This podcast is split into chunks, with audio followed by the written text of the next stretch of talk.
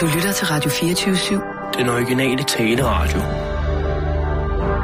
Velkommen til Bæltestedet med Simon Jul og Jan Elhøj. Kan du huske dengang, der var noget, der hed Blockbuster? Ja, altså videokæde, hvor man lavede videofilm. Ja. ja.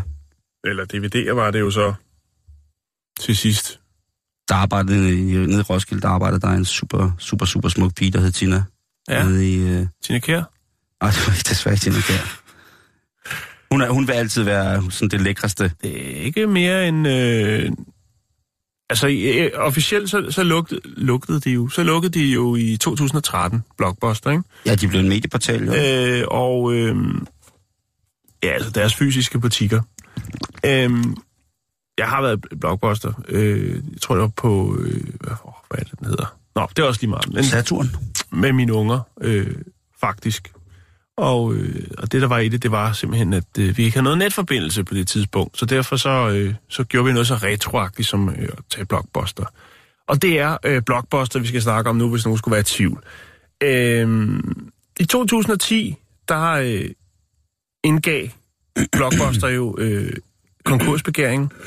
Øh, og så- ja, streamingtjenesterne, ja, Netflix, de gjorde jo en hel del for at, at skubbe den, øh, den rigtige vej med det.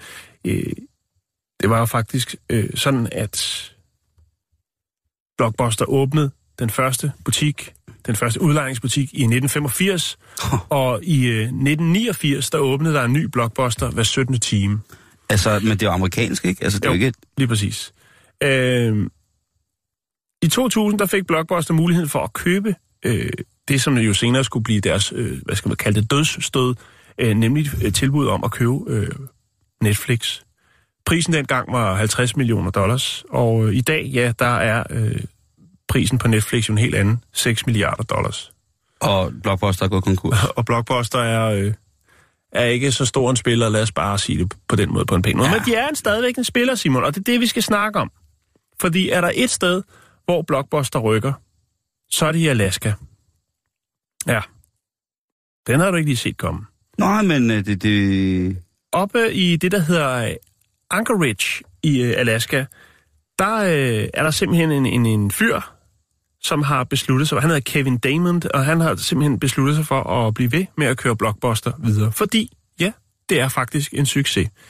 Han har selv arbejdet i Blockbuster i 26 år, og øh, Hvor er det sent? Det er sejt. der er også i blandt andet den by, der hedder øh, Wasilla, som er den by, Sarah Palin kommer fra, der ligger også en øh, Blockbuster. Der er faktisk, øh, på verdensplan i dag, der er der 12 fysiske butikker. Der er også et par øh, i andre stater i USA. Øh, men engang var der over 9.000 Blockbusters butikker rundt omkring i verden. 9.000 timer. Så det var jo en stor spiller dengang. Jeg kan også Ja. huske, der var noget, der hed Playtime blandt andet. Ja, Øh, altså men- der lå inden for, der hvor, øh, altså der hvor jeg bor, der inden for en kilometer, der lå der to blockbuster, store blockbuster-butikker, ikke? Jo. Men øh, det er slut med det. Men hvad er det så, der gør, at Blockbuster øh, rykker på de breddegrader? Helt derop i det kolde.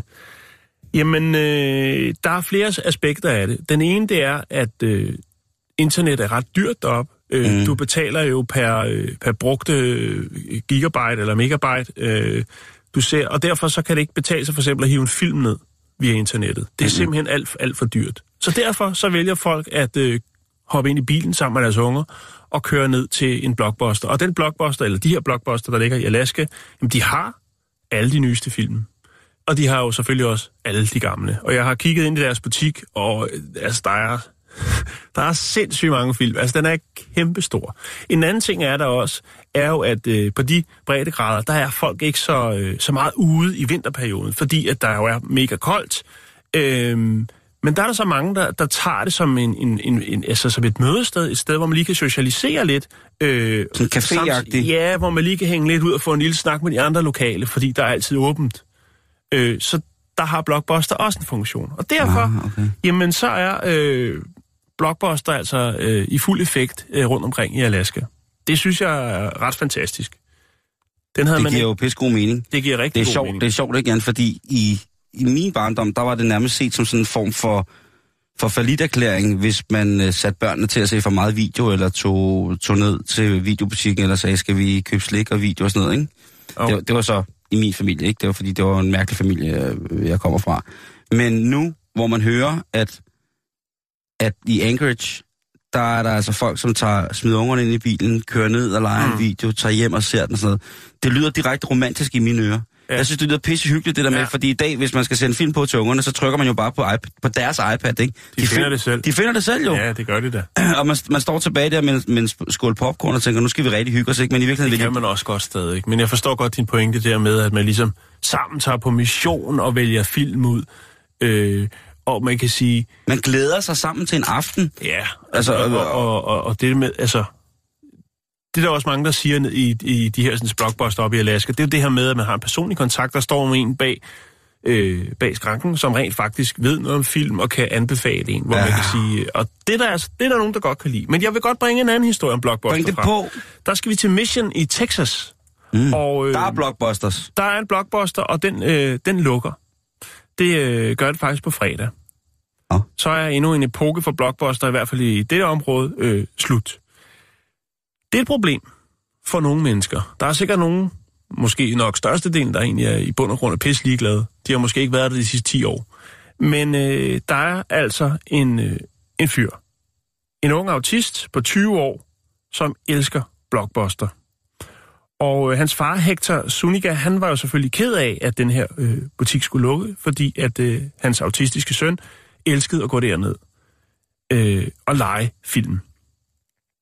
Øh, og så er det jo så, at, øh, at, at, at faren her jo selvfølgelig tænker, jamen, det er jo, altså, det er jo en kæmpe omvæltning i hans liv, at øh, det her rutineting, som at tage ned blockbuster og lege en film, det er godt nok for det meste de samme film, der bliver lejet, men det er en vigtig del af hans liv. Og det er de samme film, han har lejet i rigtig, rigtig mange år. Øh, det er sådan noget som Veggie Tales, øh, Barney, Elmo, øh, Rugrats, tror jeg det er, det hedder, Baby Einstein. Øh, Altså, det er hans, det er hans ting. Det er søndens ting. Okay. Nickelodeon Greatest. Hvad gør man øh, så, når det er, at den lukker? Jo, der har faren tænkt ud af boksen, og han har simpelthen lavet en blockbuster derhjemme. Oh. Han har øh, selvfølgelig fået lov til at få øh, nogle af de her sådan, øh, gamle reoler, som, øh, som Blockbuster jo øh, har på lager, og som ikke skal bruges mere. Øhm, og så har han simpelthen lavet en hylde med øh, sønnens yndlingsfilm. Og du kan se her et rigtig, rigtig fint billede, hvor han holder ham for øjnene og skal afsløre, at hjemme, øh, hjemme i, øh, i, jeg tror det er i køkkenet det her, jamen der er der sat en Blockbuster-reol op med alle hans favoritfilm. Og Ej. så... Øh, Jeg bliver helt rørt, faktisk. Ja, se her. Og har klapper sønnen og er helt vildt glad, fordi øh, altså, han er, en, han er en, en knægt af få ord, men det her, der, der kan man bare se, der har han altså en reaktion, der er helt fantastisk. Jeg bliver helt rørt. Ja, men det er fantastisk. Jeg synes Ja, simpelthen, det det er er så smukt. Ved du hvad, Jan, det super er godt bare i orden. faren, altså. Øhm, så er det selvfølgelig klart, at det Og kan det er så lidt. Det er så lidt. Det er så lidt. Altså, han Øh. får nogle gamle reoler, som skulle have smidt ud. Han tager, altså, ah, Ah, den er optur. Jeg, prøv, at- hvis jeg fik en blockbuster-hylde, ville jeg have optur. Altså, Jeg tror, det er lidt sent i Danmark. ja, det er nok også. Men øh, det var lidt om Blockbuster. Ej, jeg synes, det er sjovt. Jeg vidste faktisk ikke, at de var gået konkurs. Hold kæft, jeg har brugt mange penge i Blockbuster. Ja. Jeg har også brugt Men mange du har penge. ikke brugt nok. Jeg har brugt mange penge. Jeg har brugt mange penge i Hollywood Express, videoautomaten i 7-Eleven. Jeg har brugt mange penge i Playtime. Og jeg kunne aldrig huske mine kodeord til hverken Blockbuster-kortet eller Playtime øh. Så jeg har brugt... Men nu er det jo, øh, nu er Blockbuster jo som øh, så mange andre jo øh, online og en udlejningstjeneste på lige fod med ja, Netflix og øh, iTunes og så videre, så videre, hvor man kan lege film. Jeg kan huske en gang, vi lånte en af mine kammeraters Blockbuster-kort, og så lejede vi... Øh, øh, nej, det var hans fars Blockbuster-kort, vi skulle ned og lege videoer på. Ja, Og så lejede vi øh, to videofilm, som vi aldrig afleverede tilbage. Så han har bare fået de sindssygeste breve ind ad døren, ikke? Med at, øh, jeg kan ikke huske, hvad det var, de hed. De hed nemlig, vi lånte bare de der pornofilm, fordi de hed noget dumt. Øh, hvad hedder det? Og så sk- skulle han bare fordi man fik jo sådan et brev ind ad døren, ja. hvor der stod, at øh, kære, du, øh, dine to titler, og så er der Sarah Young Extreme. der har i hvert fald været noget Sarah Young, fordi det var noget, der gjorde mig meget liderlig, da jeg gik gymnasiet. Det var, men i hvert fald, øh, der var det i hvert fald det endte med, det var en forfærdelig ja. regning. Sarah Young øh, og Fedt und Schwanger. Nej, det var Alpengeil, Alte Paar über 50, og så tror jeg, det var øh, øh, Der Færtemolester. Nu skal vi til at snakke om livet derefter, Jan. Ja, Når vores, nu, hedder, nu trækker du dødskortet. når vores ydre hylster har givet op, og vores sjæl skal vandre ud i den uvisse sandhed, af nye spændende oplevelser. Og Jan, der har jo været... Vi må indrømme, at vi, vi jo her i programmet øh, stadig kæmper for at se, om vi kan gøre de danske bedemænds hverdag en lille smule sjovere, eller give dem et... Ja, det kan jo godt... nogle friske inputs det- til, hvordan ja, man kan... Det, øh, og det er jo øh, provokerende os, fordi det kan jo sagtens være, at alle bedemænd i Danmark, de starter morgen hver morgen med at grine i fem minutter, og så griner de hele resten af dagen. det kan godt Og har være. det bare en fest. Men der er sikkert måske så en to-tre stykker, som tænker, det her, det kan vi godt gøre mere, det kan, vi kan godt hylde døden på en anden måde. I, eller for tre år siden, der havde jeg en historie, kan jeg huske, om en gut, som havde fundet en måde, hvorpå at han kunne støbe sin afdøde faders aske ind i en vinyl. Og nu siger jeg vinyl, det er slangudtryk for en gammeldags plade. Ja. De her store runde nogen, der er sikkert ikke mange, der, der kender dem stadigvæk, men der og er... det er ved at komme frem igen. Alle øh, dem med fuldskæg, de køber øh, ugenligt en, øh, en plade. Er det rigtigt? Ja, ja. Nå, det var, da, Det er kæmpestort, Simon. det var glædeligt. Det er også et dejligt medie. Ja, det er det. Nu, i midlertidig, så har Dan Coleman, han har, øh, har simpelthen fået systemsat en opskrift. Han har fået lavet en opskrift på, hvordan man blander sine afdøde venner og bekendte og fam- familie, sin elskede, ind i plader. Og så kan man støbe en plade, man kan trykke en plade, som det hedder, Ja, med ens nærmeste i selve pladetrykket, og så kan man endda spille den. Så kan man sætte den på og høre dejlig musik. ja.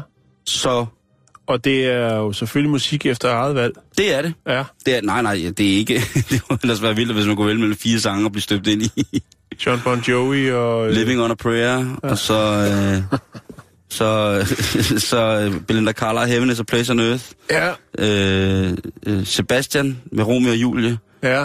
Og specielt i USA er det stort, ikke? Og så, Jo, den er kæmpestor, især efter øh, Blå Øjne havde gang i den. Den blev kæmpestor over med Og- men det er den udgave, man- de kan ja, trykke, ikke? Ja, Og så, øh, og så noget klassisk musik. Der må også være, der, der, må være, der må være lidt fra ringen, man også kan få støbt ind Ja. i, hvis der er udvalgte passager. Eller DJ Ötzi, Hey Baby. Det kan godt være. Men altså, heldigvis er vi ikke i den beskedende, pinlige situation. Vi er i den situation, at den musik, du skal støbes ind i, trykkes ind i, når du dør, den er fuldstændig valgfri. Og det var bare, jeg tænkte bare, altså du kan, øh, du bliver trykt som en EP. Ja. Øh, det er en lidt bekostelig affære indtil videre. Jo jo, men, Øh, men altså, Det koster omkring 25 jern at blive stø- 25.000 danske 25.000 gode danske kroner at blive støbt ind i, uh, ind i sin yndlingstrack. Og det er som sagt kun en EP. Det, det er det, der svarer til en 12-tommer. Så du har uh, maksimalt uh, 12 minutter per side, ikke? Ja, Uh, men der kunne være gode, uh, gode 12-tommer der. Jeg kunne uh, forestille mig for eksempel uh, en, uh, en dejlig udgave af... Altså, jeg vil sige Stairway to Heaven på den ene side, ikke? Og så bare noget GABA eller noget rave på den anden side. Jeg ved det ikke. Det er det. Nu, jeg tænkte bare, at Jan, for en, øh, en, en, en, en, en vinylkondisør som dig, ja.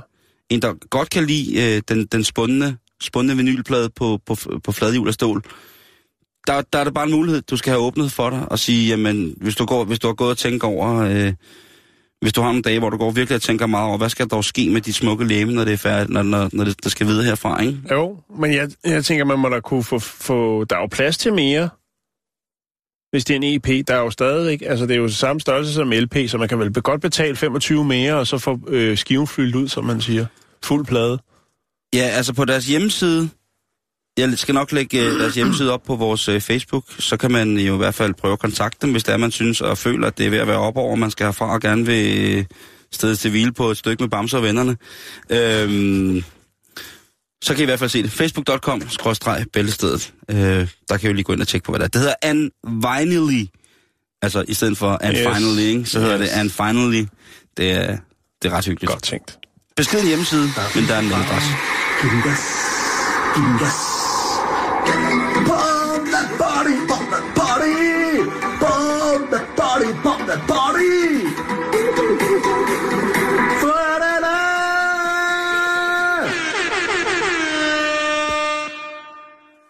Så øh, skal vi smutte til USA. Vi skal til Jacksonville, og vi skal til Øh, 600, 6.111 John Harden Drive i Jacksonville, og øh, her der ligger der en øh, fræk butik. Det er en såkaldet lingeriebutik. Den hedder Cupid's Lingerie. Hvis man synes, lingerie er fedt. Ja. Det er det. Jo. Det er det. Og øh, klokken øh, 13 minutter i 5, der træder der en herre ind i den her øh, lingeriebutik, og øh, ja, han er fremme i skoene. Han træder ind i butikken, og så råber han, Jeg er millionær! og så begynder han ellers at hive varer ned af hylderne. Det er selvfølgelig klart, øh, det, øh, ekspedienten tænker, jamen, hvad har vi her? Er det en ny storkunde? Eller er det en pervers stodder? Det er jo sådan set ligegyldigt, bare han har pengene. Han er selvfølgelig lidt mere frembrusende i det, og han har også et håndvåben med, øh, som han dog ikke gør brug af. Øh, men han virker meget målrettet omkring, at nu skal der handles. Han øh, tager ned af hylderne, hiver ned af stativerne, og vælger faktisk også at gå ud i baglokalet for at få fat i flere varer. Det er som om, han ikke kan få nok. øh, ekspedienten vælger jo så at kontakte ordensmagten, og øh, de dukker så op, og øh, det viser sig så, at det er den, den herre, som hedder Jeffrey Joyner, Joyner, som er fra Batesville, som jo så på en eller anden måde, øh, ja, er, øh, altså, han har ikke begået røveri, han kommer bare ind og siger, at han er, han er millionær, øh, men han bliver selvfølgelig øh, anholdt, og øh, man vælger lige at kontrollere, om han er påvirket af noget, og det, øh, der er ikke kommet noget svar på det, men i hvert fald så øh, får han en tur i brummen. Jeg synes, det er, det er meget at være fremme i skoen, ligesom lige at gå ind og så bare lige øh, råbe, at man er millionær, og så begynde at hive ned af, af hylderne. Men et eller andet Ja, sted er det er også ret fint, ikke? Jo, jo, jo, jo. Altså, de har man jo er ikke så janteloven glad, at De man er ikke så glad for, at øh, det skal ske det her. Jo, ja. Der er ikke, ikke noget øh, omkring, hvem øh, var alt det her undertøj til, som han jo så havde, måske havde tænkt sig at købe eller stjæle, eller hvad det nu var. Der er ikke, han fortæller ikke noget om, at han har lige været på Tinder og swipet øh, 400 damer, og nu skal der købes ind eller noget. det melder historien ikke noget om. Og så igen det der med, det er jo den evige diskussion, Jan, det der med, er lingerie frægt, eller er det ikke frægt, eller var det måske til ham selv? Ja, Der er det må masser stå hen i det, i det uvisse. Ja. Masser af flotte mænd, som jo elsker at gå i dejlig Ja. ja. lingerie.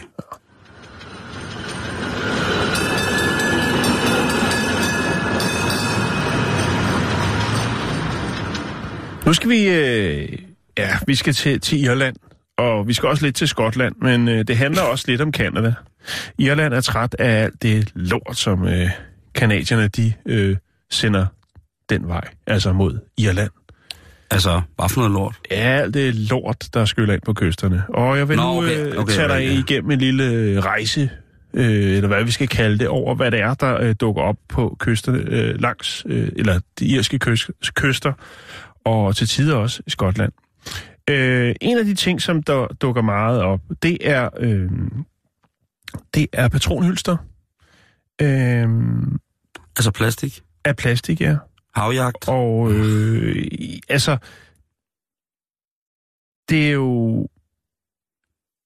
Må alle jæger, der smider deres patronhylstre i havet, må de, må de komme slemt til skade ved vådskud. Altså, det er simpelthen så latterligt. Så Det er til grin, sådan at man ikke samler sine ting op. Ja, og man kan sige, nå, hvordan kan man så finde ud af, at... Ej, jeg kan blive øh, så pissed over sådan Hvordan noget. kan man øh, ligesom finde ud af, at de her øh, hylstre kommer fra Kanada? Jo, det er fordi, at den, øh, Det er meget nemt.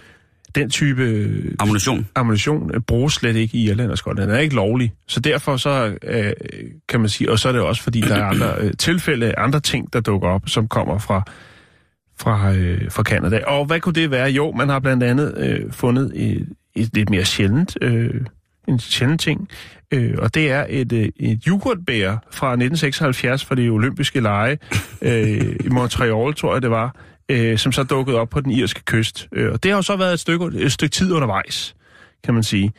Øh, så er der dukket en, øh, en sikkerhedshjelm op, øh, som kommer, øh, ja, som også dukker op på den øh, irske kyst. Og øh, den øh, kommer så fra det, der hedder Galway, øh, hvor der så er en eller anden øh, skødesløs herre, der har... Øh, ja, det kan have været en kystvagt, det kan have været i hvert fald en eller anden, som øh, måske har kigget øh, ud over reglingen på et skib, og så er, er, er sikkerhedshatten så røget øh, i vandet. Øhm, jeg tror faktisk, vi har snakket om på et tidspunkt, Simon, det her med en, øh, en mærkelig øh, båd, der dukkede op i det, øh, det amt, der hedder Mayo i Irland, øh, som var sådan en lidt en, en form for husbåd. Meget primitivt bygget. Mm-hmm. Øh, sådan lidt tømmer, forskellige former for tømmer, og så var der noget sådan tæret lidt sammen, og der var nogle solpaneler og sådan lidt, lidt blandet. Øh, men ikke nogen, der var i den. Den var altså drevet i land, og den kom faktisk også helt over fra Newfoundland, og så var drevet. Øh, og der havde så, man fandt sig ud af jo, der var jo en ret stor sag omkring det, men havde, altså, var der nogen, der var skyllet over bord, eller hvordan? Og det var altså så sådan en, en hjemløs øh, fætter, som i Newfoundland jo havde valgt at bygge denne her, sådan, øh, den her sådan, lidt alternativ øh, ting uden skov, og så på et eller andet tidspunkt, så er den så åbenbart øh, reddet sig løs, eller han har givet den op, eller et eller andet, og så, øh, så har den simpelthen øh, taget turen hele vejen til, til Irland. Øhm, der er også en del flaskeposter, som har, har øh, fundet vej hele vejen over. Og øh, dem har der været en hel del af. Øh, en af de sådan mere, øh, hvad skal man sige, bizarre, jo, jeg kan fortælle dig faktisk, at der er nogle af de her sådan, øh, flaskeposter, som er blevet øh, smidt eller sendt øh, fra Kanada. Der er faktisk en, der er endt op i Kroatien. Og det er, jo, det er jo ret vildt, fordi så har den jo altså været nødt til at, at, at flyde hele vejen igennem Gibraltarstrædet for at nå til Kroatien. Så det jo må øh, i den grad være en flaske, der har fanget den gode strøm og er kommet langt. Øhm, men Vi kan tilbyde meget havet. Vi kan tilbyde havet meget, men at tilbyde det at rydde op efter os, det synes jeg, det er sgu ikke, det er sgu ikke i orden. nej. Det er ikke en fed måde at hylde Altså, dem. generelt så er der jo et kæmpe problem med, at også med de her små plastikpartikler, som blandt andet er i nogle tandpastaer og i alle mulige andre produkter, ja. som øh, er derude. Men det er jo en, en anden snak. Men Simon, en af de mere øh, sådan bizarre, øh, eller synes jeg i hvert fald, det er øh, tilbage i 2016, hvor en øh, britisk mand, Norman MacDonald, han får øje på en øh, tequila-flaske, som øh, flyder rundt øh, langs den irske kyst. Og øh, den samler han selvfølgelig op, fordi han kan se, at der er noget indhold i. Øhm, og asken, den indeholder asken. Flasken indeholder asken af Gary Robert Dupis, som, øh, og en seddel, hvor der står, mit ønske er, at han får sin drøm opfyldt og komme rundt og se hele verden og finde noget fred. Øh, det står der på en note. Og den er skrevet øh, af Dupis datter, øh, som altså har sendt hans, øh, hans aske ud i en tequilaflaske til en øh, lille jordomrejse. Og øh, man var selvfølgelig nødt til lige at, at tjekke op på historien, for at tjekke, om, om det jo så rent faktisk var øh, Gary Roberts, som var inde i den her tequilaflaske, og man kontaktede datteren, og den var altså god nok. Og øh, finderen, altså Norman McDonald, han gjorde så det, at han rent faktisk øh, sendte flasken videre. Og i håb om, at andre vil sørge for, at, øh, at øh, Gary Roberts Dubis, han øh, kommer rundt på en helt spændende tur. Altså den sidste rejse i en eller anden form øh, rundt i hele verden. Det synes jeg, er- det må simpelthen være den fineste måde at, at blive begravet på, og blive sendt, lagt i, i, i strømrigt farvand i sin urne, og så bare sejle ud i verden. Ja, Så skulle man næsten gøre det i sådan en urne, som stille og roligt bliver opløst af vandet, så man på et tidspunkt ude på de fjerne oceaner i, i strømmens, i, der hvor strømmene mødes og lægger sig op af hinanden i malstrømmens huleøje, går i opløsning i sin urne og svinder ned imod øh, havets bund først, for efter at stige op mm. som atomer spist af små, sjældne fisk. Øh, faktisk så Christopher Columbus tilbage i 1492 øh, i rejsen til Amerika, øh, der var han også, øh, altså der var han ved Galway i Irland, og øh, der var der faktisk også øh, noget, som man jo først troede var øh, to, Mennesker på en strand. to kinesere. Nå. Men det var det ikke. Det var, øh, Sæler? det var, nej, to Nå. kinesere. Det var det ikke. Det var selvfølgelig øh, to op fra, øh, op fra de nordlige himmelstrøg, altså to, som øh, muligvis jo nok øh, har haft problemer med kajakken derop, og så øh, er deres øh, jordiske rester øh, drevet mod Irland. Okay. Ja. Øh, isbjørne er der også fundet øh, et par stykker af, og øh, så er der jo også, øh, og det ved, den ved jeg ikke helt, om den tæller. Jeg kan bare til at tænke på den, øh, det her sådan, russiske krydstogsskib, som, øh, som jo ikke rigtig øh, endte med ikke at have nogen ejer. Øh, det var noget med, at, at øh, altså, det var noget med, at det firma, der ejede det her krydstogsskib, der hed øh, St. John's, øh, og så et eller andet øh, Lubyovla, eller sådan noget, som var et arktisk krydstogsskib. Den russiske ejer øh, havde lidt problemer med finanserne, og øh, jamen, så lå han bare skibet været, og så var der en slæbebåd fra den, en skrothandler øh, fra den øh, Domin, hvad hedder det, Dominikanske Re- Republik, mm. som, som købte det her skib, og så øh, mødte op. Det lå i, i Irsk, på, øh, hvad hedder det, en irsk havn i, i lang tid. Så kom den her slæbebåd altså, som så ikke var stærk nok til at øh, slæve den her, sådan, øh, det her krydstogsskib, og så rev det sig løs. Og så lå der altså drev rundt i en 6-7 år, hvor ingen ville kendes ved det. Det siges, at, øh, at det skib i dag er kendret, øh, og den eneste besætning, der var tilbage på det her skib, det var rotter. Det var propfyldt med rotter. Mm. Det er, et Det er, jo en, det, er jo, det er jo sådan rigtig, ja lige præcis, det er jo sådan en moderne udgave af den flyvende hollænder, og i dykkermiljøer ved jeg i hvert fald, at øh, folk øh, rigtig, på rigtig, rigtig mange tidspunkter af, øh, i siden at, at skibet ligesom officielt forsvandt, har været på, altså det er sådan en form for, for os dykkers øh, Bigfoot på mange måder, ikke? Mm. At man, at, at, der er jo masser af dykker, som også jo er excelleret ud i sådan nærmest sygelig skattejagt i forhold til, Ja. at de har læst nogle gamle søkort og hørt noget, og Da det drev rundt, havde jeg faktisk en drøm om at prøve at finde det. Og, ja, det kan jeg godt forstå, det var lige noget for dig. Ja, Ja. jeg skal selvfølgelig have mine rottestøvler på, øh, for ikke at blive bidt. Men, øh, Jeg havde taget en fløjte med. Ja, så Du du... spiller jo også en... øh, Altså, du kunne have spillet rotterne på plads, ikke? Du spiller jo en dejlig, dejlig fløjte, ja. Jo, men jeg er bedre på kazoo. Det er faktisk rigtigt. Men øh, der skal gøres... Altså, det der plastik, ah, det der affald, sådan noget, det er ikke en fed ting at sende til hinanden. Kan vi ikke bare blive enige om det? det jamen, det er det jo ikke. Det er det jo ikke, ikke? Altså, jeg er jo... Men altså, at sende sin far på den sidste rejse på den måde, det, jeg synes faktisk, det er meget fint. Så kan man diskutere alt muligt øh, om, om alt muligt, men så må jeg sige, øh, at hvis jeg ser jægere smide affald, når de er på jagt, Det er jo faktisk lige meget om det er jæger. Hvem som helst, Simon. lige præcis. Ja. Jo, Har jo. du set de der russiske klip, der er med en, der kører rundt på motorcyklen, når folk så smider noget ud af vinduet? Så, Så kører han efter mig og smider det ind i bilen til dem igen. Det er genialt. Og det kan godt være, at det er primitivt, og det er på alle mulige måder, ikke? men det er det der med ikke at rydde op efter sig selv. Ligesom med hundelortene. Men, men det der med plastik, det er altså at smide, smide affald i, i havet på den der måde. Det er simpelthen ikke så er biologisk nedbrydeligt affald. Ja. Og med det ord, Jan, så vil jeg gerne bede folk om at læne sig tilbage, hvis du lytter til programmet med hovedtelefoner. Skru en lille smule op for lyden. Luk øjnene.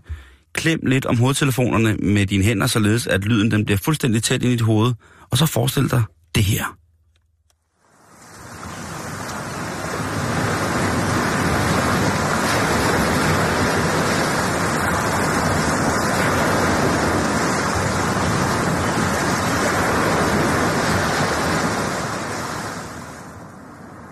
Øh, jeg ved sgu ikke, hvor jeg skal starte. Øh, det er en kinesisk... Jeg tror, man kan betegne det som værende en e-handelsskandale. Øh, skandale. Nå. Der øh, har været et nylig, nylig lækage i noget. Øh, et fænomen, som øh, jeg ikke har hørt om før, men nu er det i Kina. Øh, og det hedder Naked Loan. Altså naked, altså et nøgenlån. Ja. Uh, det, Øh, allerede der er det sad. Ja. Kvinder får et øh, personligt, og det er kun kvinder, et personligt online-lån øh, ved at vise nøgenbilleder og videoer. Øh, det er et tegn, som der er nogle af de, de kloge hoveder nede siger, på øh, det stigende, øh, den stigende forbrugerism i Kina i den blandt den yngre generation. De er blevet øh, mere materialistiske, de vil have øh, Gucci Vuitton, de vil have øh, Jamen, de vil have det som den, de vil have alt det, alt, det, alt det lækre og det dyre. den stigende kinesiske middelklasse. Ja, de er ramt af forbrugerism. Mm. Forbruger i De charms. er øh, så kaldte naked loans. Øh, De er en praksis online, hvor at man, øh, ja, der bliver udlånt penge øh, til kvindelige låntagere, øh, og de øh, stiller så en eller anden form for... Øh, øh, altså, de stiller deres krop som sikkerhed for, for at de her lån bliver tilbagebetalt. Altså, hvis- Fordi at hvis de ikke bliver tilbagebetalt, så offentliggør de. Ja, Er det rigtigt? Ja. Er det hævnpornolon? øh, det kan man godt kalde det, ja. Nej, det må, det, det, det må de da forbyde. Det, der, Den det kan da øh, nylige lækage, der har været, der er der mindst 10 gigabyte af nøgenbilleder øh, og videoer øh, fra sådan nogle øh, nøgenlån fra tjenesten, der hedder øh, Yidaibao. Øhm, og der er så røget en lækage ud derfra. Øhm, Åh, oh, er det modbydeligt. en form for kødbetaling øh, er der også nogen, der, der mener, at det, at det er. Øhm, og der, der er så også nogen, der øh, kan til, altså, måske føler sig presset til at betale øh, via øh, seksuelle ydelser længere hen, hvis det nu er, at de rent faktisk ikke kan tilbagebetale de her sådan, loven. Øhm, Oh, hvor er det dog modbydeligt. det er, det er ikke, det er sgu ikke så fedt, Simon. Men Nej. jeg synes lige så godt, vi kan bringe det på. Også hvis Den, der... den måde, det foregår på i, hvad skal man sige, den øh, indledende låneansøgning, det er, at man tager et, øh, et de unge piger her tager et billede af sig selv, et nøgenbillede, øh, hvor de står med deres ID-kort, altså et selfie, hvor de står og viser både for- og bagside af deres ID-kort, for ligesom at verificere, at de er dem selv. Øhm, og så øh, skal de jo så lave en, øh, en video, hvor de også er nøgne, og øh, så skal der, der skal også indgå øh, deres navn. Og øh, ja, så er der jo en dato, bliver der jo aftalt en dato for tilbagebetaling, og hvis det så ikke sker, jamen så øh, vil øh, det lånemateriale, hvis man kan kalde det det, jo så øh, blive offentligt tilgængeligt. Det er jo øh, en af de helt grimme afarter af sugar daddies, det der. Det, der sidder nogle, øh, der sidder nogle øh, rige, liderlige kinesere og tænker, nu skal vi have nogle unge damer, vi kan presse ud i noget... Øh, det er en dårlig start øh, på ens ungdom, og det er jo altså så øh, piger fra 17 til 23 sådan i, i gennemsnit, som øh, oftest nogen, som er studerende, går på universitet. Men er det alle? Fordi det kan også godt være, hvis der sidder sådan en, en, en kinesisk grandmother på. De bliver jo rigtig gamle øh, på 103, som lige mangler øh, 140.000 til nogle smøger. Kan hun Ja. så også godt sende et billede ind af sin arbejde, arbejde altså 70 års arbejdskrop? Det kan hun sikkert godt, men, men spørgsmålet er, om hun ikke øh, er lidt mere i balance med, hvad hendes øh, reelle behov er for øh, materielle ting i forhold til en, øh, en kinesisk øh, kvinde mellem 17 og 23, tænker jeg blot. Øh, Er, er det ikke lidt sådan en sugar daddy? Er det ikke Men- lidt det der med, hvis du viser mig det her, så skal jeg nok? Jo, men, det kan man jo godt sige, men, men, men det er jo ikke sådan præciseret... Tænker man må. Ja, og det er jo netop det. Er det ikke- man er det jo- ikke drønhamrende men- ulovligt? øh, Det er det jo egentlig ikke, men det, det kan jo være, det bliver det, kan man sige. Problemet er jo, at, at de her sådan, der er jo de sociale medier, det kan hurtigt sprede sig, hvis der bliver lukket ned for, for en, øh, en service, øh, et, hvad skal man kalde det, en slags udlån af denne type, så kan der hurtigt øh, åbne en, en ny. Men det bliver jo en Øh, form for afpresning til sidst. men det har jo øh, ramt de statslige medier, og øh, der er blevet op, opfordret til bedre tilsyn øh, med, øh, hvad skal man sige, Kinas online øh, e-handelsplatform, for ligesom at, øh, altså, få lukket ned for det her. Det er, jeg synes, det er noget af det, det klammeste. Ja, fordi man kan øh, sige, hvis man går ned i en bank, Men den går begge veje, Simon, øh, tænker jeg. Og der er jo egentlig ikke noget nyt i det. Man har jo hørt masser af historier, triste historier om, øh, om kvinder eller øh, mænd, jo, som jo er gået på kompromis med deres eget øh, moralske kodex, ja for at, at For få penge. øh, ja eller materielle ting. Mm. Øh, og det er der jo egentlig ikke noget nyt i, men jeg synes det er simpelthen... verdens ældste erhverv. Det må man ikke, det må man ikke øh, øh, løbe Jo, fra. jo, jo, ja. Og man kan sige, at den går begge veje, men jeg tænker, altså, det er jo... Det der, det er, Jeg jo, ved- jeg ved ikke. det, er jo, det er jo en mærkelig bankkonto, ikke? Fordi man kan sige. for hvis man, hvis man indlader sig på noget rent fysisk kropsligt, så er man jo ligesom på en eller anden måde i det to jo. mennesker, og så får man måske et eller andet ud af det. Det her, det er jo så modbydeligt, fordi der sidder jo, som sagt, du siger, en doven, meget ligerens mand. Ja, eller hvem det nu er. Det er ikke Eller hvem er. præciseret, hvem det er. Om der sidder nogle øh, små øh, datagenier og, øh, og skal have lidt inspiration øh, mellem kodningerne, eller hvad det er, der foregår. Øh, det, det vides ikke, Simon. Men et faktum er, at det er et, et stigende problem, og nu vil øh, regeringen jo ligesom finde ud af, hvad, hvad kan vi gøre øh, ved det her? Sådan, øh, Altså, den danske bankverden er jo, øh, er jo efterhånden i så stor hopla i forhold til, hvor meget de må bestemme over folk, Mm. at øh, bortset fra, hvis man har rigtig mange penge, så må man gerne snyde øh, via ja. Ja. de danske banker. Men hvis man bare er helt almindelig, så, øh, så skal man jo nærmest øh, indlevere blod, sæd og sin ja. Førstfødte, hvis det er, man skal låne 50 kroner. Ja, det er heller ikke Ja. meget for, at man har penge stående i banken, som man ikke bruger til noget. Og det hørte vi jo lige, at, Ja. ja. man må, at, at bankerne siger, nej, I, I skal ikke, jeres penge bliver mindre værd, øh, og Ja. I skal, det, må, det må man ikke selv bestemme, om Nej. det er okay, at de bliver mindre værd, end at man bliver sat til at investere, fordi der er en eller anden slik dude, der lige fortæller, eller en sød kvinde, der fortæller en, at herovre du, altså vi har en, der er en Jeg skal maskine. nok hjælpe dig med at få lidt, øh, lidt på kistebunden. Lige Vi skal præcis. selvfølgelig lige have det. Men Nå, du, så, det er ringer, er så, så snak. går vi til millionærklubben. Men, Ja. men det der med, at det bliver afpresning, fordi det bliver det jo. Jo, jo, men der er også det, hvad så når lånet er betalt tilbage? Der er jo, en- du kan jo, de kan jo ikke dokumentere, at de har slettet dine øh, de billeder, som du nu har, har sendt til dem, vel? Mm. Og det er jo det, der er problemet, fordi der nu har været en lækage, hvor der så er røget 10 gigabyte ud med, øh, med unge kvinder. Ja, Fy for helvede. ja fy for saten.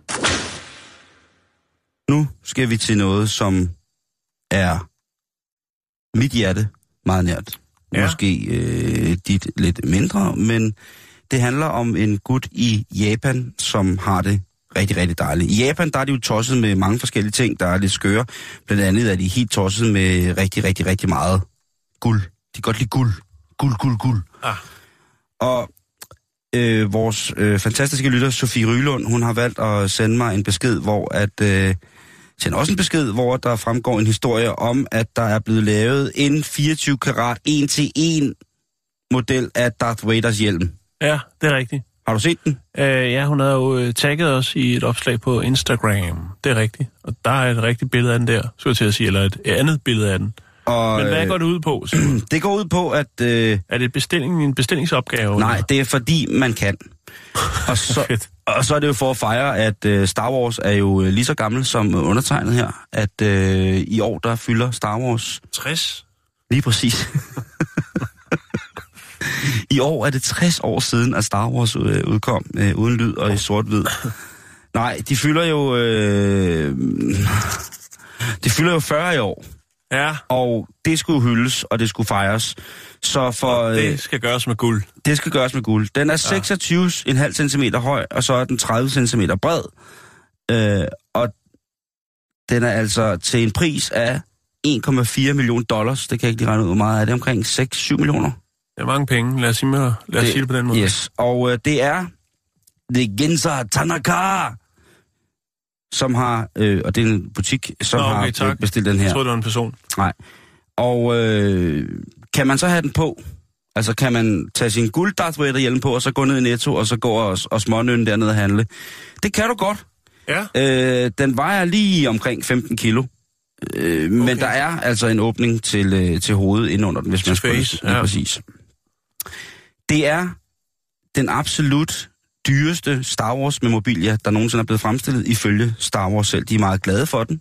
Øhm, men det er ikke den første hyldest til noget amerikansk, som øh, The Ginza Tanaka får fremstillet. I øh, 2013 fik de fremstillet et, øh, et guldjuletræ, et kæmpestort guldjuletræ til omkring 20 millioner danske kroner. Og øh, det er jo noget, noget mærkeligt noget. Øh, marketingmanageren, som hedder Hiro Tosugu Chaya, han siger, at øh, det her stunt, det har altså taget 10 guldsmede fuld tid i tre måneder for at lave den her Darth Vader-hjelm. ah. Og det har været rigtig, rigtig svært, fordi at... Øh, er det fair trade guld, eller er det bare et eller andet møgbeskidt? Uh, det tør jeg næsten Ej, ikke uh, gætte på, fordi jeg kunne godt forestille mig, at det var noget møgbeskidt, uh, at der Ja. var børn, der var døde i kem- kemisk udvindelse af det her guld, og der var uh, folk, der aldrig mere kan få børn og taber deres øjne og hud og sådan noget. Uh, men i hvert fald, Det er også tavligt spørgsmål, det ved nej, det er faktisk et rigtig, rigtig godt spørgsmål. Jo, jo, ja. ja. Fordi det er, det er jo et vigtigt spørgsmål, Jan. Jo. At uh, Jeg meget skulle rigtig være med til pressekonferencen, lige har rakt hånden op. har sagt, ja, må jeg godt lige spørge om, at det er noget Hvor I det guld fra? Er lige præcis. Må jeg se jeres? Må jeg se jeres stempler? Øh, og det er jo noget, man kan bestille. Ja, altså hvis man selv vil have lavet en Darth Vader maske i guld. Okay. Det her, der findes modeller for det. De her, det tager så cirka tre uger, ikke? Men nu Ja. det er jo så prototypen, så han siger faktisk helt japansk, det kan godt gøres hurtigere.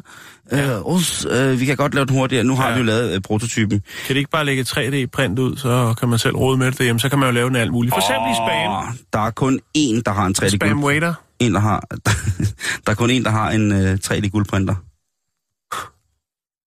Hvem er det? Niklas Bender. Ah, ja. Jeg stjal den fra Julie Sangenberg. Og nu har han fået en ny dame på. Øhm, man kan også få den lavet i andre materialer. Nå, det. Men øh, de ser helst, at, øh, at, man, øh, at man starter med... Ja, ja, noget, der er dyrt selvfølgelig, noget, der er så man dyrt, kan ikke? ikke komme ned med sin pizzaskinke og sige, prøv, jeg skal lige have drejet en Darth Vader-maske til en sjov event Ja. i Forborghallen. Den her, den bliver, øh, den bliver, den bliver sådan vist for alvor frem Ja. øh, til, øh, til den 4. maj. Finsk Øh. lakrids ville også være godt. Åh, så er vi jo ude i noget, der er faktisk både er sort og ægte. Ja, Tænk, og hvis, til at betale. tænk, hvis Darth Vader han kunne spise sin maske indenfra. Hvis, hvis Darth Vader han lige, dam, dam, dam, så spiser han sin hjelm indenfra. Det er noget nyt, det er noget spændende. Men vi lægger et billede op, så kan du se den. Så hvis du lige ligger og har en, øh, en øh, 6,5 mille, som du ikke ved, hvad du skal bruge til, øh, og du er øh, helt væk fra dørtelefonen, så er det bare at gå i gang med at, øh, at lede på nettet efter... Mm. Jeg skal nok lægge adressen op til supermarkedet. Øh, skøn historie her, Jan, om øh, hvad folk gør i velgørenhedens tegn. Ja. Og i velgørenhedens navn. Fordi på nettet og i blandt andet i på engelske medier, jamen der er der en fantastisk historie om en øh, engelsk politimand, som i ført gorillakostyme på hænder og fødder, altså som i ægte gorillagang, har gennemført London Marathon. Øh, og øh, Gorilla Marathon? Ja, han hedder Mr. Gorilla. Han har efter sine fået skrabet omkring 200 og næsten 70.000 kroner sammen til en gorilla-organisation, som er har dedikeret alle deres kræfter på at sørge for, at uh, gorillaer i lande som for eksempel uh, Rwanda og Uganda Ja. får lov til at bestå, fordi det er en meget, meget troet dyreart. Øh, Det er og vi- også en meget, meget troet dyr. og jeg ved jo øh, efter sine, at øh, jeg tror, de går helt forkert til værks, fordi at efter sine, så er der jo rigtig mange kvinder, øh, som, øh, som føler en indre ild, når de ser en stor, flot gorilla. Ja. Og jeg tænker, der må jo sidde nogle kvinder derude, der har, øh, nogle, der har arvet nogle penge, eller som er, så der er jo masser af kvinder, som er ved muffen. Øh, Ja. Og så vise dem et billede af gorillaen, og så sige, Hø! Og så siger de, åh, her er en million. Ja. Det er det, Det er jeg synes, godt de- ting, Simon. Ja, det er lige præcis. Men, Men han, altså, løb, han løb et maratonløb i gorilla-kostyme. eller? 41 år præsterede de 42 kilometer. Øhm, og og det, det, det tog ham så godt nok øh, en, en del dage. Øhm, En del dage. ja. Øh, Altså, det en tog del- seks dage. Seks dage i gorilla. Ja, ja okay. Han, så de øh, havde pakket hele uh, målstregen ned, da han dukkede op, eller hvad? Ja, der var, der var, der var nogen, der stod og jublede. Der stod blandt Så var andet... løvende helt træt. Yes! Der var i hvert fald en mand med en tøjgorilla, der stod og klappede, da han kom ind. Og der var også et, et større presse ja, okay. Ja, det er godt. For så er det ligesom ikke helt også- forgæves. Han sov rundt omkring hos venner, øh, og så gik han ellers... Han har gået sådan her hele vejen Okay. i 10-12 timer hver dag. Ja, så han altså og, gået og så som... Spider-Man ved siden af. Ja, der, du, han dukkede også op. Han, Hvad samlede han ind til? øh, det ved jeg ikke. Korset af koppens befrielse, eller? Lige på sta- Stankelbenets befrielsesfond. Øh, jeg ved det ikke. Men, men så tænker man, det var dog øh, fantastisk, og det han gør det jo Det er også. USA, det her, ikke? Nej, det er England. Det er England, okay. London Marathon ligger i, i London Det i er fordi, England. jeg, nå okay, ja, men øh, ja, selvfølgelig undskyld. Øh, det var fordi, jeg kom til at tænke på ham, der amerikaneren jo, som ville sætte fokus på testikelkraft, jo, og gik tværs over USA med en stor testikel, han, øh, han rullede med. Mm, mm. Øh, og det er åbenbart det, der skal til nogle gange, hvis man vil, vil have lidt, øh, lidt fokus på et område. Og så tænker jeg, hvem, hvem, hvem pokker er de her... Altså, hvor kommer den her idé fra om at, at gøre det her? Og så kom jeg til at tænke på en, en gut, jeg havde hørt om i Indien, som øh, var en del af en munkeorden, hvor de ruller. Ja, Altså den gode gamle, jeg lægger mig ned på jorden og ruller rundt. The Rolling Monks. The Rolling Monks simpelthen. Og øh, der fandt jeg frem til øh, Mohandas, Mohandas. bedre kendt som Lotan Baba, Lotan Baba. den rullende helgen. Ja. Lotan Baba. Lige præcis. Udover det er et svedigt, svedigt, svedigt navn. Så øhm, Men hvad, hvad ruller han for? Er der, hvad, i, for sin tro, Jan. han ruller for troen? Han ruller for troen. han ruller ikke med troen, men øh, han ruller for troen, du. Han Ja. ruller for at udbrede det hellige Ja. budskab om, øh, om lys, kærlighed, Er det varme noget, der er omsorg. sæsonbetonet? Jeg tænker, i forhold til årstiden lige nu, så kunne man jo næsten sige, at han, Han ruller tungt hele året. kunne man jo næsten sige, at han forårsruller. Du skal ikke sidde og ryste for hovedet, Jax. Jeg må godt komme med en farvild. Ja, det må du kraftede med. Det var Øh, god og pissegod. han, øh, Tak bare derude, hvis I skal lukke en fest ned eller noget. han, øh, han, han ruller over rundt. Joints eller hvad? Nu er det snart fredag, ikke? Han, øh, hans længste rull, Ja. det, det var øh, 30.000 kilometer. Nej. Jo, han har rullet... Øh, Okay. Han har, han har rullet... Holder han pause undervejs for en vasket hår, eller hvad? Ja, men han stopper vel for at få vasket rullet sit tøj. For strøget. Ja, han... Jeg Øh, ikke komme som munk og have krøllet tøj han, på. øh, han, han, han ruller bare derud. Han har rullet ind i blandt andet store byer, som... Øh,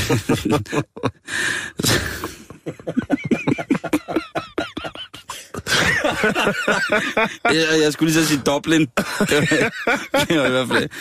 Altså, øh, madras. Han har, Ja. han har ikke noget sted at sove, så han ruller ind på madras. Nej. Åh, øhm, han har rullet forskellige steder hen fra hans, hans, hans, altså hans home turf, hans hjemmeby, hans hjemmebane, det er en by, der hedder Ratlam. øh, det, det hedder det! Ja, han er da ret lam. I, i Madhya Pradesh. yes. Pradesh. Øhm, Hvad, hvad jeg tænker, og, får man ikke hår ud på skuldrene og sådan noget? Man bliver da helt, øh, altså... jo, men han... Øh, Hvordan har han det i dag? Ja, han, øh, han har det godt. han, øh, han rullede mellem 10 og, altså i, da han rullede tungest, der rullede han mellem 10 og 12 km hver dag. Øhm, Ja. og nogle gange, mens han rullede, og det er det, der var sejt, nogle gange, mens han rullede, så fik han lige tid, tid til at ryge en smøg. Så, lå han, så rullede han faktisk, så lå han faktisk og rullede og røg. Ja. Hvad med at, at spise? Nå, han havde, så- det var kun 12 Ah, timer, ja, så han ja, kunne godt ja, øh, lave ja, alle mulige ja. andre ting. øhm, Lige for, øh, for skiftet olie og... Øh, men han har rullet siden han var 12. ja. Øh, Lothar Baba, han, øh, eller den rullende helgen, han... Øh, Lotan Baba. Lothar Baba, han... Øh, han altså historien omkring ham ja. fortæller, at han ligesom i en alder af 12 bliver fjernet fra sit hjem for at gå i kloster. Det er der jo mange, der gør. Ja, Øh, men så i kloster, han et par flugtforsøg, og Og- ruller, ruller ud under ruller, men templet. han kan, ikke, han kan ikke rulle ud over, ud over væggen. Nej. Og- Han, øh, han, han, øh, han, han er i munkekloster i syv år, Ja. hvor han faktisk øh, hvor han faktisk bare ruller rundt. Han ligger syv år klosteret og ruller og træner. Øhm, han har fået meget, meget øh, opmærksomhed omkring det her. Øh, specielt da han prøver at Det rulle... fortjener han også. Ja, øh, han prøver at rulle for fred. Der har jo været, der har jo været store problemer. Det gør de også ude for Christiania. Der har været... Jo, jo. Men øh, de har også ret. ja, ja. Der er mange, som... Øh, Lamret. der, der har jo været utrolig mange problemer imellem Pakistan og Indien. Og der tænker ja, jeg, det der, har jeg godt hørt lidt om. Yes. Jeg ved ikke, hvad alvorligt det er mere. øh, det er stadig ret alvorligt. Er det det? Ja. Tror du ikke bare, det er pressen, der prøver at... Øh, nej, jeg, jeg, jeg, øh, jeg vil sige, at øh, de borgerkrige i det nordligste Indien og Pakistan, det er måske noget af det mest modbydelige, og det er også noget af det mest længerevarende, der har været i forhold til internationale humanitære katastrofer, som der ikke er blevet sat nok fokus på. Nå. Okay. Men han prøver Undskyld. at, øh, at rulle over grænsen til Pakistan fra Indien, Ja. øh, men bliver stoppet, øh, fordi han, øh, han har glemt sit pas, og han har ikke fået lavet noget visa. Nej, Så han bliver bedt om at rulle tilbage. ja. Og det er jo, en, det er jo, det er jo noget, som han er rigtig, rigtig ked af, men det, det skaber jo også en form for øh, overvågenhed omkring det her. Ja. Skal vi ikke have, Ja. ham, øh, skal vi ikke have ham som gæst? Kan vi ikke få fløjet ham ind?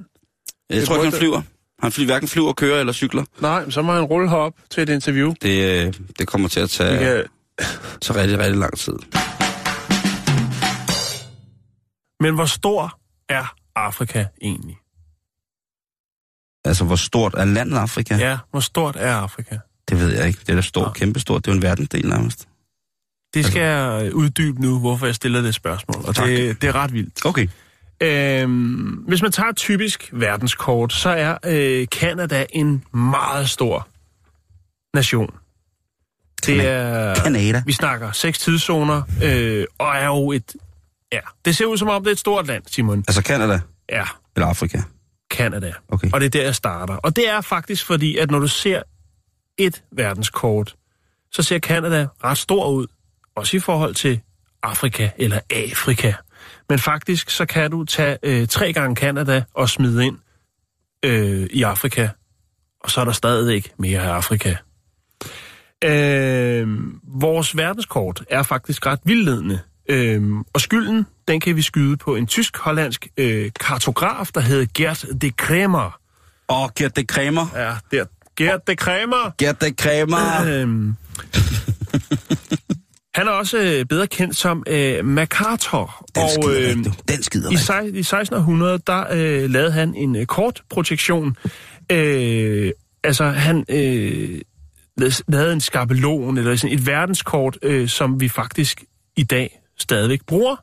Øh, måske allermest kendt for øh, det her verdenskort, som øh, der var dengang, vi gik i folkeskolen, Simon. Den man trak ned, sådan en rullegardin med kort præcis. på. Yes. Men i skolerne i Boston i USA, der øh, prøver man ligesom at, øh, hvad skal man sige, komme ud af den onde spiral. Øhm, ved at introducere et mindre kendt øh, kort, lavet af P, øh, en... Øh, at der er produceret noget, der hedder Gal Peters, og deres øh, projektion, øh, at bruge den. Den er fra 70'erne af, og man kan jo lige vende tilbage og så sige, jamen, øh, Gert de Kramer, han lavede jo sit kort i det 1600. Så der er lige lidt forskel. Mm. Men man kunne egentlig godt undre sig over, hvorfor er der ikke er nogen, der Jeg ligesom, til at se et verdenskort. øh, laver øh, et, øh, et mere moderne verdenskort. Altså et, hvor at landene har den størrelse, som de rent faktisk har. Det vender vi tilbage til. Øhm, Et proportionsmæssigt forsvarligt verdenskort. det er faktisk meget, øh, meget, meget fint sagt, Simon. Tak. Øhm, man kender nok de her øh, kort og kan huske dem, men i Boston, der vil man godt gøre det anderledes. Øhm, derfor så har man sat eleverne til at studere de her sådan, forskellige øh, verdenskort, som er de mest brugte. Altså øh, Mercator-kortet og så det, der hedder Gal-Peters-kortet.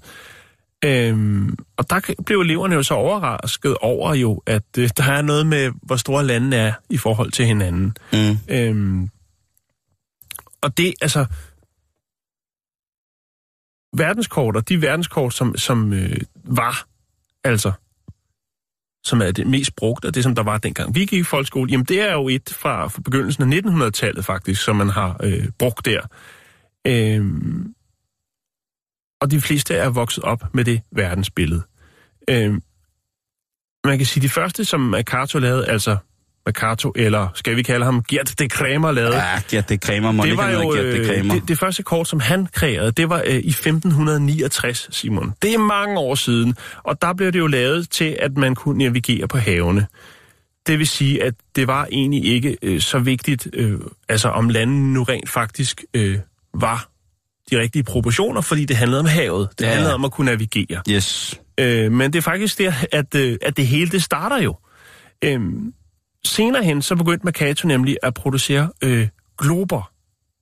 Og der Altså havde man jo- globusser. Globusser, ja. Mm. Og der havde man jo så det, at man skulle jo... Øh, altså, der skulle man lave dem runde.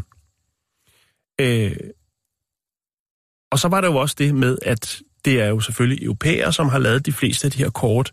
Og derfor så prioriterede man jo også, øh, at, at kortene var strakt ud, sådan så du bedre kunne se de europæiske byer. Jorden er jo rundt, men når du skal flade den ud, jamen, så er du nødt til at, at, at fifle lidt. Og, og, og Så hvis- bliver det lidt sådan en appelsinskal sagt, ikke? Ja, og, og hvis du så skal have... Øhm, altså, tænk, jamen, altså, Europa, det er jo det vigtigste. Det er også der laver kortet, så vi skal kunne se de europæ- europæiske byer selvfølgelig. Øh, og så kan det være lidt sekundært, hvad der foregår øh, nede på den anden side af ekvator. Ja. Hvis man skal sige det helt, helt skarpt, ikke? Og Øhm, ja, det er i hvert fald meget sat på spidsen. jo jo, men, men øh, det er et faktum jo. Altså, og, og der var Afrika så jo. Øhm, og faktisk så er det jo sådan, at, at, at øh, både Kanada, Rusland, USA og Europa er stærkt udvidet i forhold til, ja, øh, til, til, til Afrika. Øhm, så er der Grønland. Øh, når man kigger på et kort, så er Grønland faktisk omtrent lige så stor som Afrika, øh, hvis man tager altså Mercator-kortet. Mm. Øh, I virkeligheden så er øh, Grønland ikke større end den de- demokratiske republik Kongo. Det er jo ret vildt. Det er ret vildt, ja. Øhm, der, er så, altså, og, der er også det med polerne, de, er jo, de ser heller ikke sådan ud, som de gør, men det er jo fordi, at øh, Ja. Når man skulle, øh, hvad skal man sige, Flade det ud. flade det ud jamen, Ja. så var man nødt til at, at, gøre det på den måde. Det er man har jo de her verdenskort, som jo er tegnet op, ligesom øh, hvor man har dem sådan, hvis man forestiller sig, at man havde en masse appelsinbåd og tog skallen og pressede dem ned på øh, ned ja. flat. Så det er sådan, man har det verdensbillede, ikke? Så jo. det er Jo. lidt svært at lave polerne, kan man sige. Øh, Lige præcis. for de hænger ligesom bare Der er sammen. selvfølgelig også nogen, der har ment, at øh, de her, øh, altså, de her kort kunne være et politisk værktøj, fordi at jo, når, hvis det blev ligesom, hvad skal man sige, normen at bruge de her øh, Mercator-kort, øh, jamen, øh, så kunne man jo, var det jo meget smart ligesom at gøre de lande, som, hvad skal man sige, var de rigtige lande, gøre dem større, så, når- så når man kiggede på et kort, for eksempel som hvis øh, ja, en afrikaner kiggede på et kort og tænkte, hold da op, Rusland er stort, eller altså Kina mm. eller et eller andet. Men altså, og det er jo inkorporeret i vores, vores hjerner, kan man sige. Vi, Jo. vi har jo den opfattelse, at jamen, Canada og altså, de her lande, de er... Prøv lige at se, hvor stort store. Rusland er. Ja, men Vi sad, der, vi sad der og kiggede på det forleden dag, Det hvor, at, øh, ja. Ja. hvor du skulle afsted til et eller andet mærkeligt land, hvor vi så sad mm. og havde megastenerne over, hvor stort altså Rusland på verdenskortet Mm. i virkeligheden er. Og faktisk den dag i dag, jamen så, så siger man, jamen der er faktisk ikke den dag i dag, der er ikke noget kort, der er perfekt, som øh, altså 100% gengiver, hvordan at øh, vores flotte... Øh, Det totale verdenskort. Ja, Ja, det findes ikke, Simon. det Men nu var man altså i, i Boston, der var man altså prøve ligesom at... øh, Altså, der, der har man lavet... Jeg fandt også noget på CNN, hvor du så kan scrolle mellem de forskellige kort, og der kan man så se, ja, hvor mange gange kan de forskellige lande være i Afrika og sådan noget. Det er, det er helt vildt, altså. Ja. Afrika er stort.